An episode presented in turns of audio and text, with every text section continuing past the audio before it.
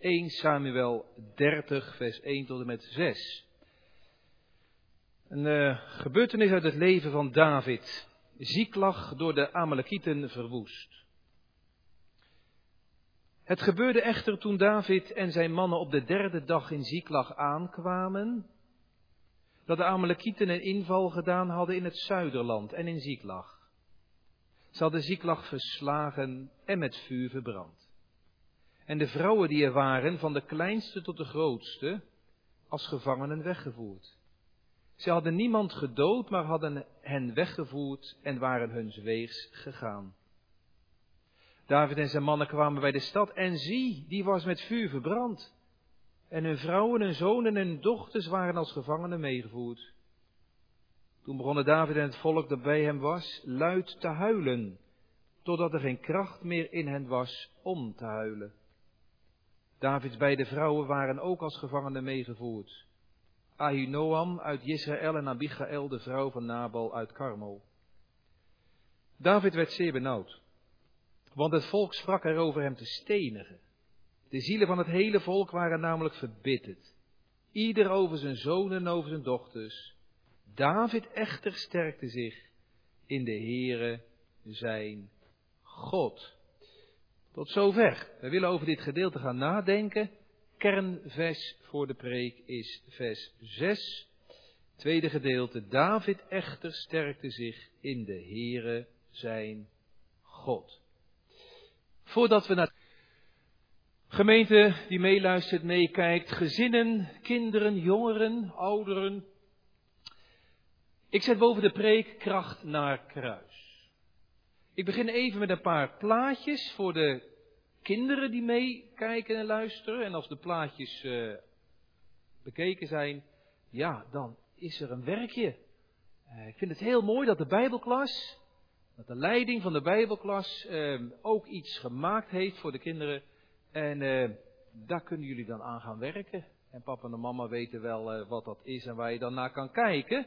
Maar eerst eventjes om erin te komen.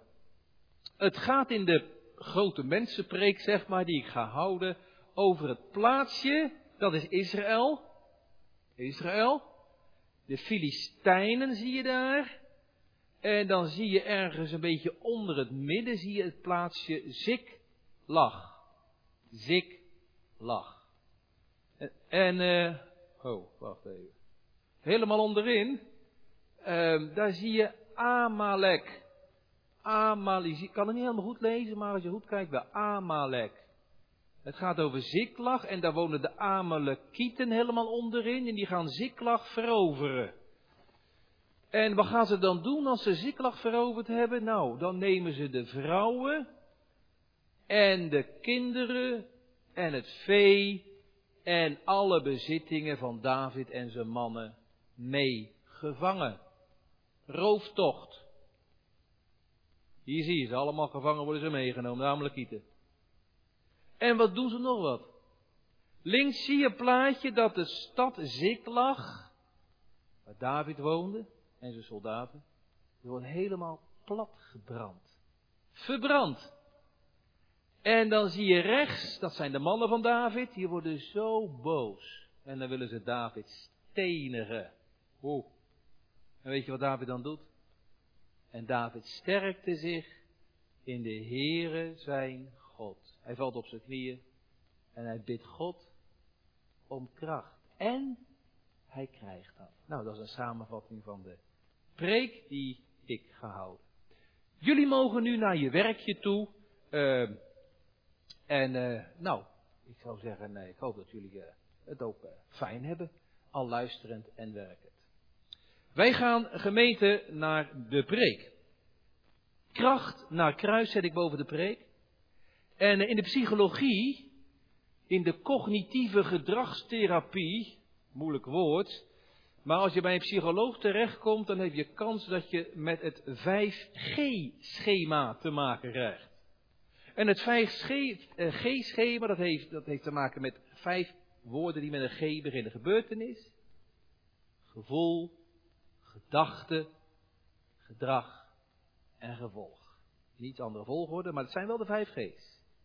En als ik nou naar deze geschiedenis kijk, dan zie ik die vijf G's helemaal terugkomen. U krijgt een preek van vijf punten binnen een half uur. Elke punt vijf minuten, dan moet dat toch lukken. De gebeurtenis, vers 3. David en zijn mannen kwamen bij de stad en zie, de stad was met vuur verbrand. Wat een trieste gebeurtenis, hè? Het tweede, het gevoel. Het staat in vers 4. Toen begon David en het volk daarbij was luid te huilen. Ja, dat kan ik me voorstellen.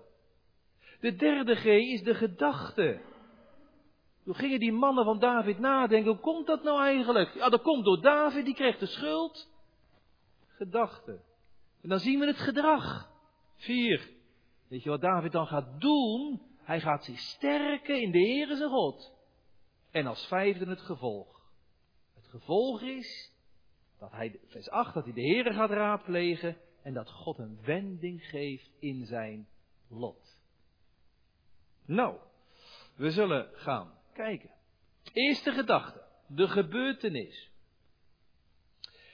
Uh, ja, als je de laatste hoofdstukken leest van 1 Samuel, dan gaat het over David, de man naar Gods hart, die gezalfd was door de Heere God om koning te worden, maar hij is het nog niet. Saul is nog koning. En Saul die vervolgt David en dat duurt al zo lang. En David gaat uiteindelijk naar de Filistijnen om daar uh, een beetje veilig te zijn. En uh, ja, hij, hij, hij, hij, moet dan de Filistijnen helpen om tegen Saul te strijden. Ja, dat is een beetje raar natuurlijk. Uh, en op een gegeven moment dan zegt de koning Agis, de koning van de Filistijnen, David, je hoeft niet mee te strijden, ga jij nou maar terug naar je plekje, naar Ziklag, wat ik jou gegeven heb. En dan wordt David en zijn mannen, die worden teruggestuurd naar die stad Ziklag. Daar woonden ze, met 600 mannen die bij David waren. Nou, dat is natuurlijk fijn. Dan gaan ze terug en dat duurt twee dagen. En dan op de derde dag, je leest dat in vers 1, het gebeurde toen David en zijn 600 mannen op de derde dag bij Ziklag aankwamen. Fijn, weer naar mijn eigen vrouw en naar mijn kinderen, even rust. En dan naderen ze de stad Ziklag en dan denken ze, hé, hey, er is iets niet pluis. Ruik eens, een brandlucht. Zou er, nee toch? Brand, brand. Is er een ramp gebeurd? En dan komen ze bij de stad en jou. Ze weten het nog niet, maar ze zien wel dat alles. En zie staat er in vers 3. En ze kwamen bij de stad. En zie, die ogen worden heel groot. Alles platgebrand.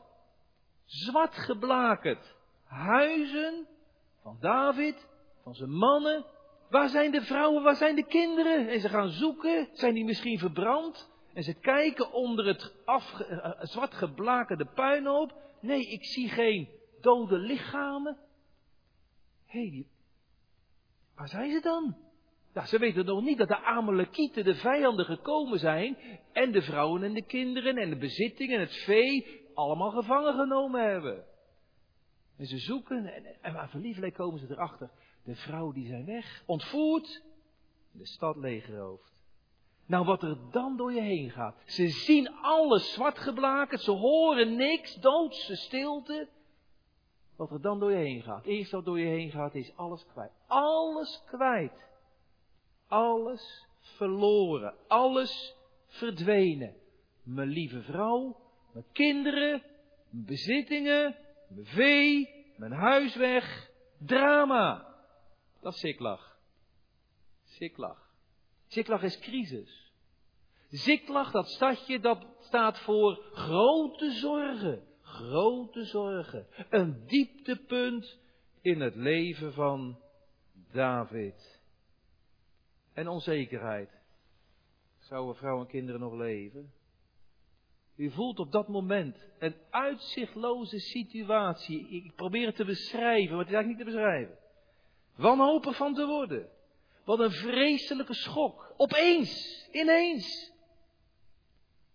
Ze zagen dat niet aankomen, ze werden er opeens mee geconfronteerd. Je dacht, ik ga naar huis. Vrouw en kinderen, huis en haard, weg. Gemeente, mag ik eens even een uh, toepassing maken? Als u uw leven nakijkt, en ik zou u een vraag stellen, wat is, kent u zo'n ziklach-ervaring in uw leven? Dat je letterlijk op de zwart geblakerde puinhopen terecht kwam? Kent u dat? Een drama in je leven, een crisis. Als vrouwen en kinderen weg zijn, dan is de kleur weg, dan is de glans weg. Misschien wilde David ook wel moederdag vieren met moeder, de vrouw en kinderen. Ja, maar die zijn er niet meer. Dat kan, ja, dat, dat kan, dat kan door een faillissement. Dat kan door een ziekte, dat kan door een sterfgeval, dat kan door een ontslag, dat doet pijn, dat doet door een opname. Een verlieservaring, daar gaat David doorheen. Weg, leeg, gemist van geliefden. Dat is verschrikkelijk. Nou, dat is één, dat is de eerste gedachte, dat is de gebeurtenis je op de puinhopen terechtkomt en daar zit. Zoals Jeremia eens op de puinhopen terechtkwam van Jeruzalem, zwart geblakerd, kapot, verbrand. Zoals de dominee, Engelse dominee J.C. Ryle. Hij was een jonge man, zoon van een zakenbankier. Ik heb veel van Ryle gelezen, ik ben erop afgestudeerd.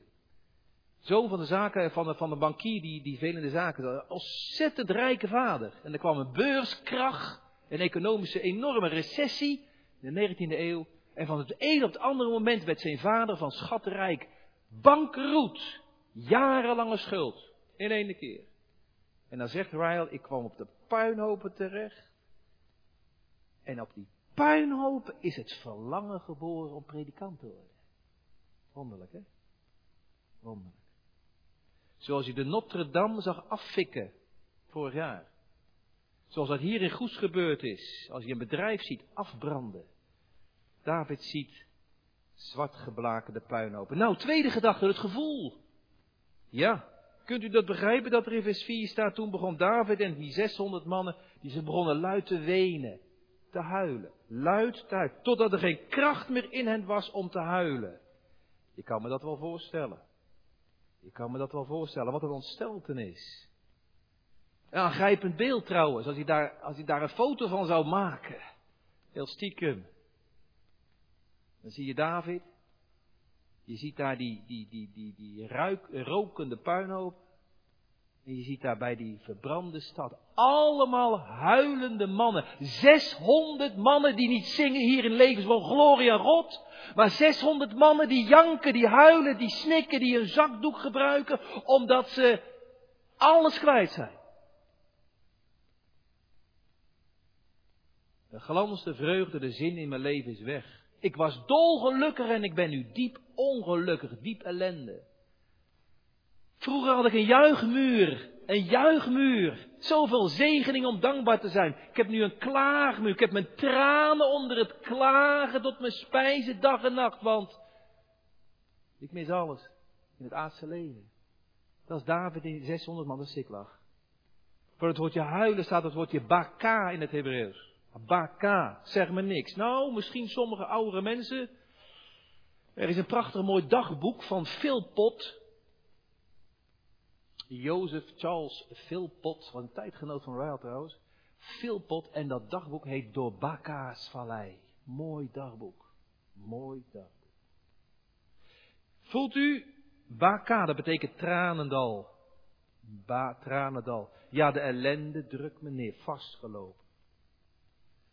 Wie heeft er wel eens gezeten op de puinhopen van zijn vernield Ziklag, geweend? Toen je hart brak. Toen je hart brak.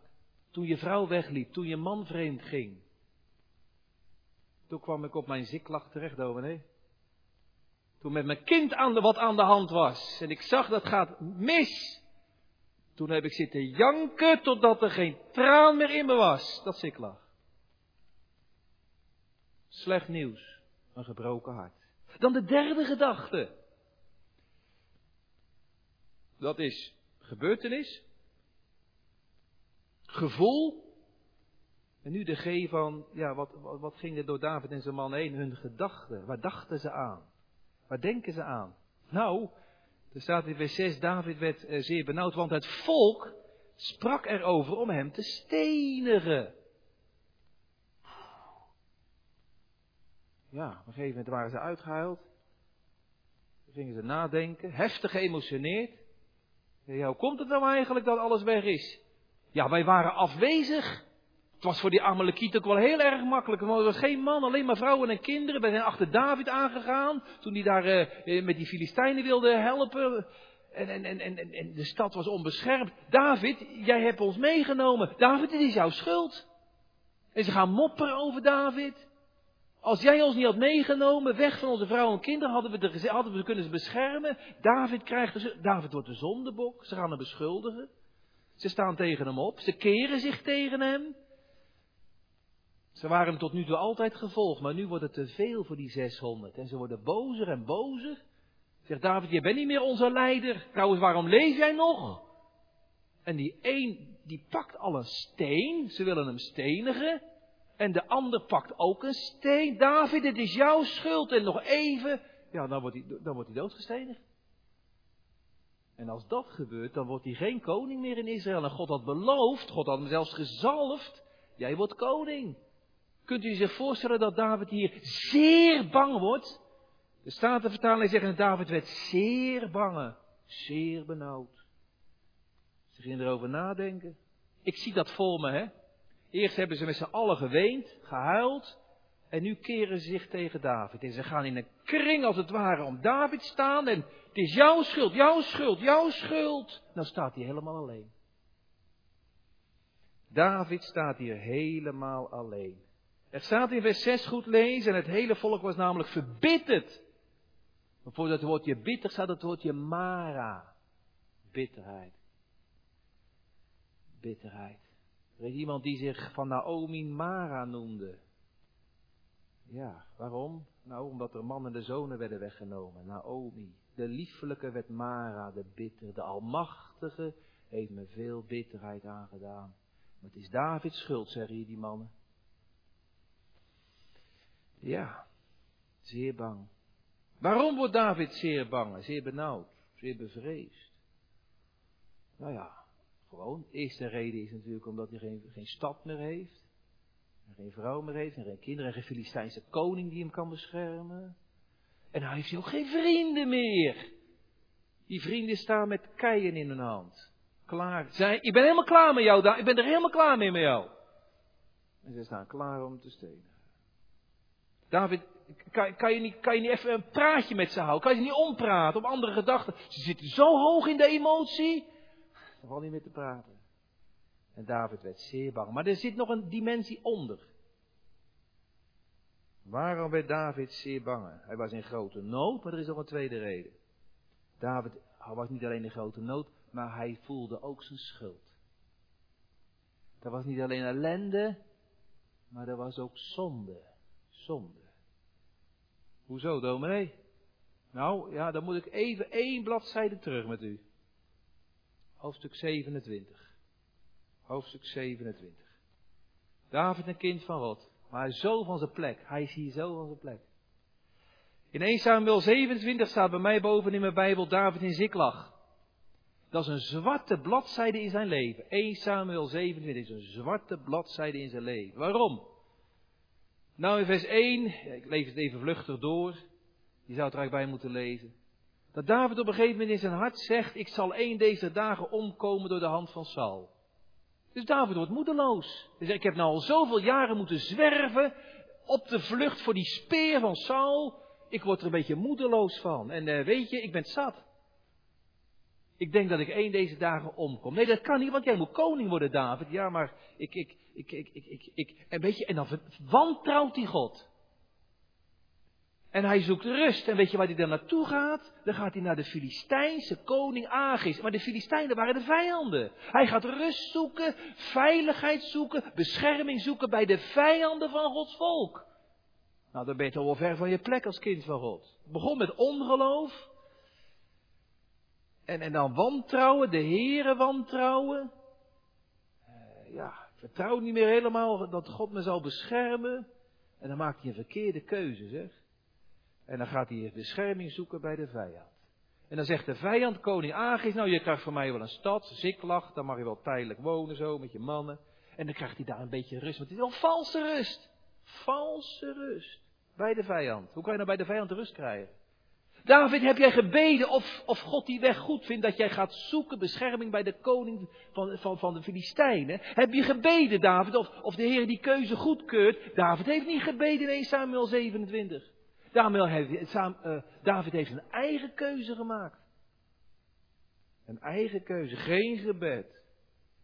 En op een gegeven moment staat hij zelfs op het punt om mee te doen te strijden tegen Israël, tegen zijn eigen volk. Dat, dat is toch. En als je dat leest, zonder God heeft hij, is, hij ging zijn weg bij eigen licht. Weet je hoe lang dat geduurd heeft? Vers 7 van 1 Samuel 27.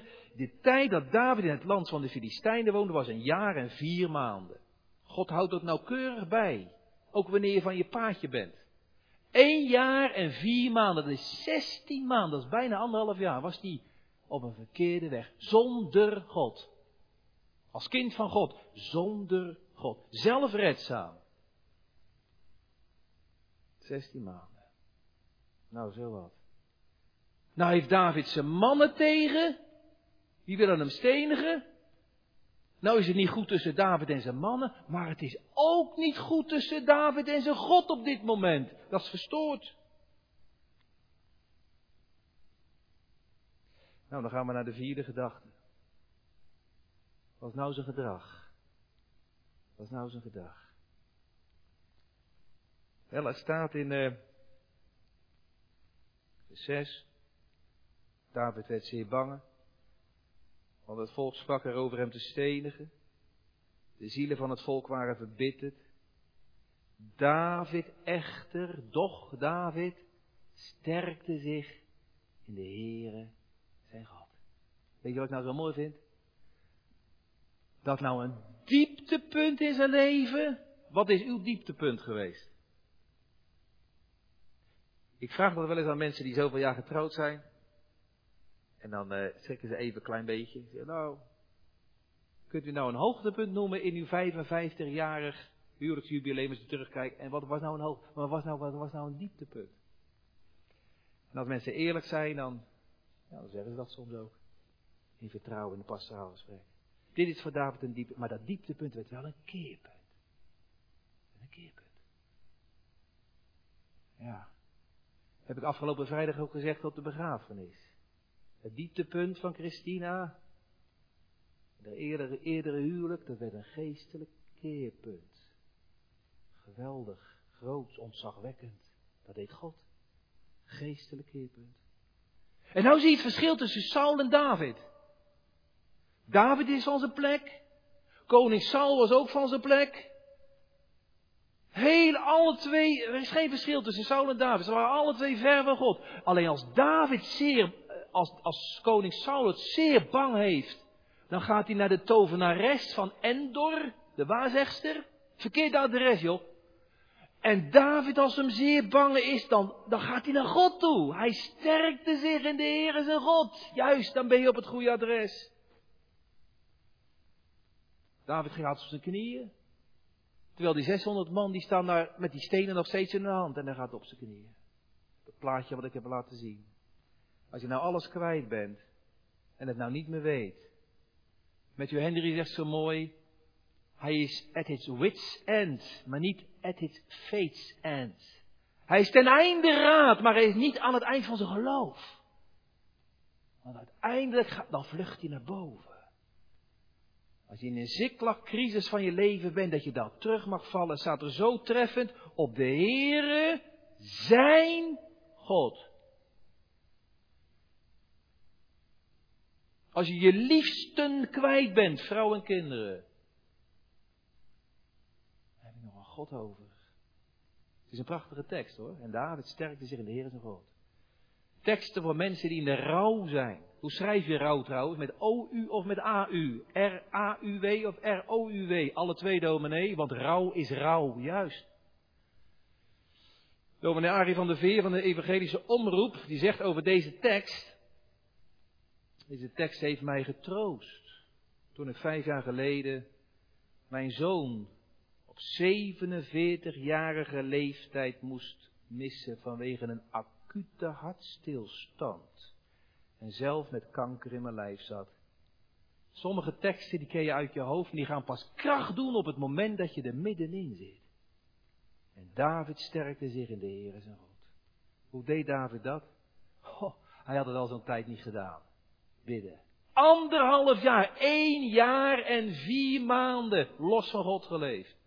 Anderhalf jaar. En nou, na anderhalf jaar, nou wordt het tijd, hè? Ja.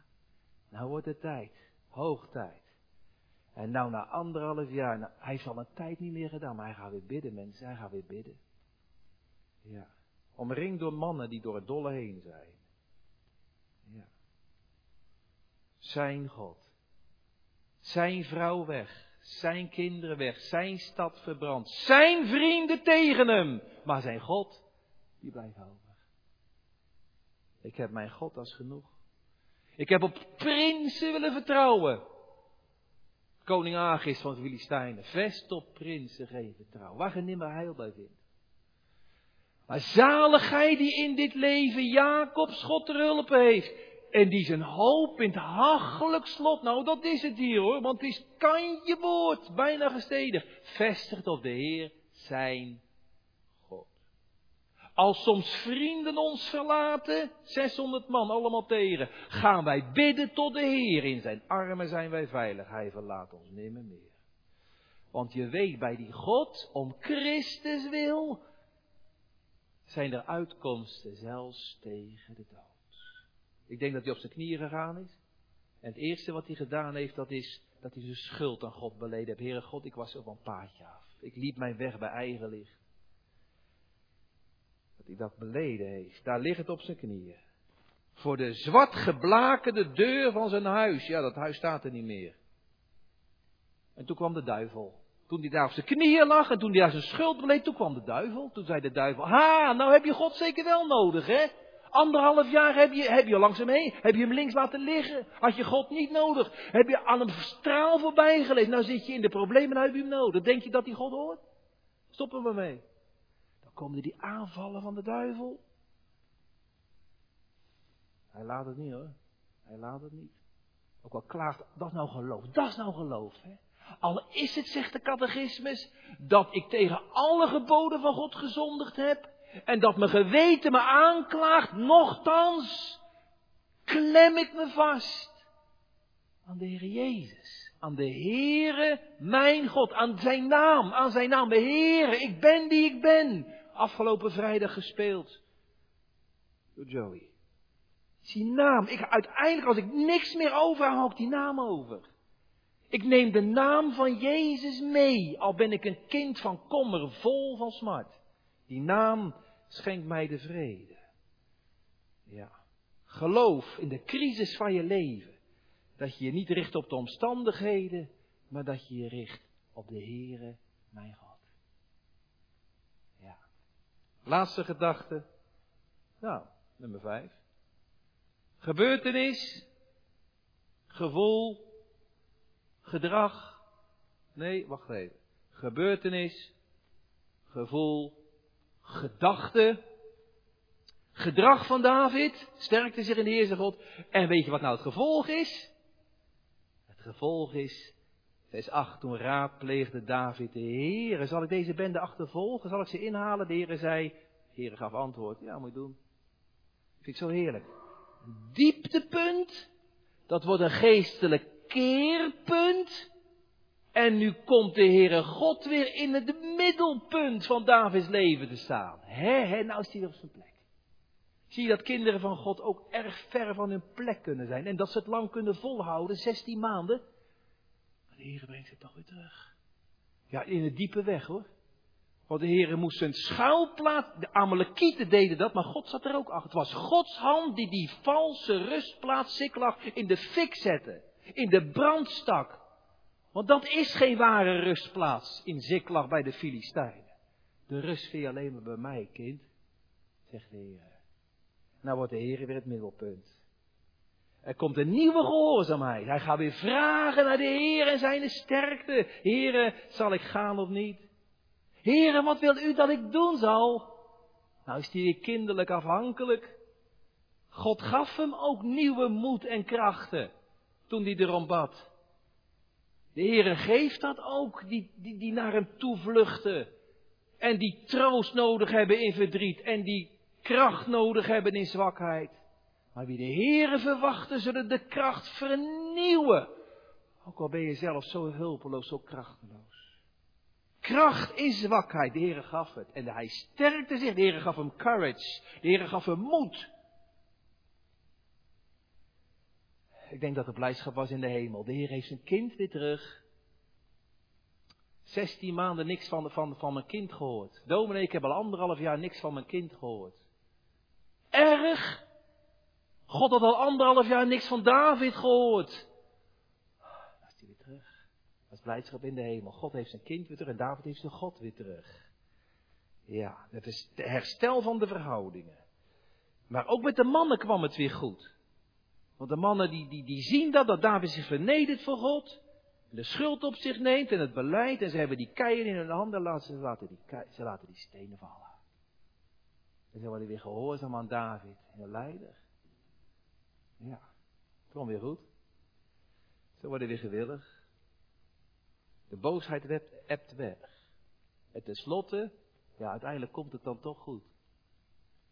Uiteindelijk dan zijn die vrouwen en die kinderen, die zijn niet, niet dood, die zijn, die zijn weggenomen. En dan gaat David erachteraan en dan vindt hij ze uiteindelijk toch weer terug. En dan krijgt hij weer terug. Komt toch goed. In de toekomst komt het goed. Er vond in de toekomst, ik ga het er misschien volgende week over verder. Er vond in de toekomst een hereniging plaats. Een terugzien. Nee, niet meer in Ziklag. Niet alles komt goed. Niet alles komt goed. Want Ziklag bleef een puinhoop. Het is niet zo eindgoed al goed. Ziklag bleef verbrand. En dat bleef naar de brand stinken. Dat kwam niet meer goed. Maar in de toekomst kwam er, vond er een hereniging plaats. Als je je geliefde in de Here moet afstaan. Als geliefde in de Here je ontvallen dan mag je als gelovige weten, in de toekomst vindt er weer een hereniging plaats. Tot ziens bij Jezus. Straks voor eeuwig samen bij Jezus. Wat zal dat zijn? Ik krijg niet alles terug, maar uiteindelijk, er is een, er is een hereniging. Nou, ik eindig met uh, een psalm en een lied. De psalm, die hier op, van toepassing is op psalm 119. Eer ik werd verdrukt, dwaalde ik. Maar nu geleerd, onderhoud ik uw woord. En het lied wat hierbij past. Ik hoorde het Jesse al een beetje spelen, geloof ik. U bent mijn schuilplaats, Heer. Nou ben op het juiste adres. Niet bij de Filistijn, niet bij die tovenares van Endor. U bent mijn schuilplaats. U vult mijn hart steeds weer met de verlossing. En telkens als ik angstig ben, steun ik op u. Vertrouw op u. Maar word ik ooit met bange vrees belaan, dan zal op u mijn vast betrouwen staan. Amen.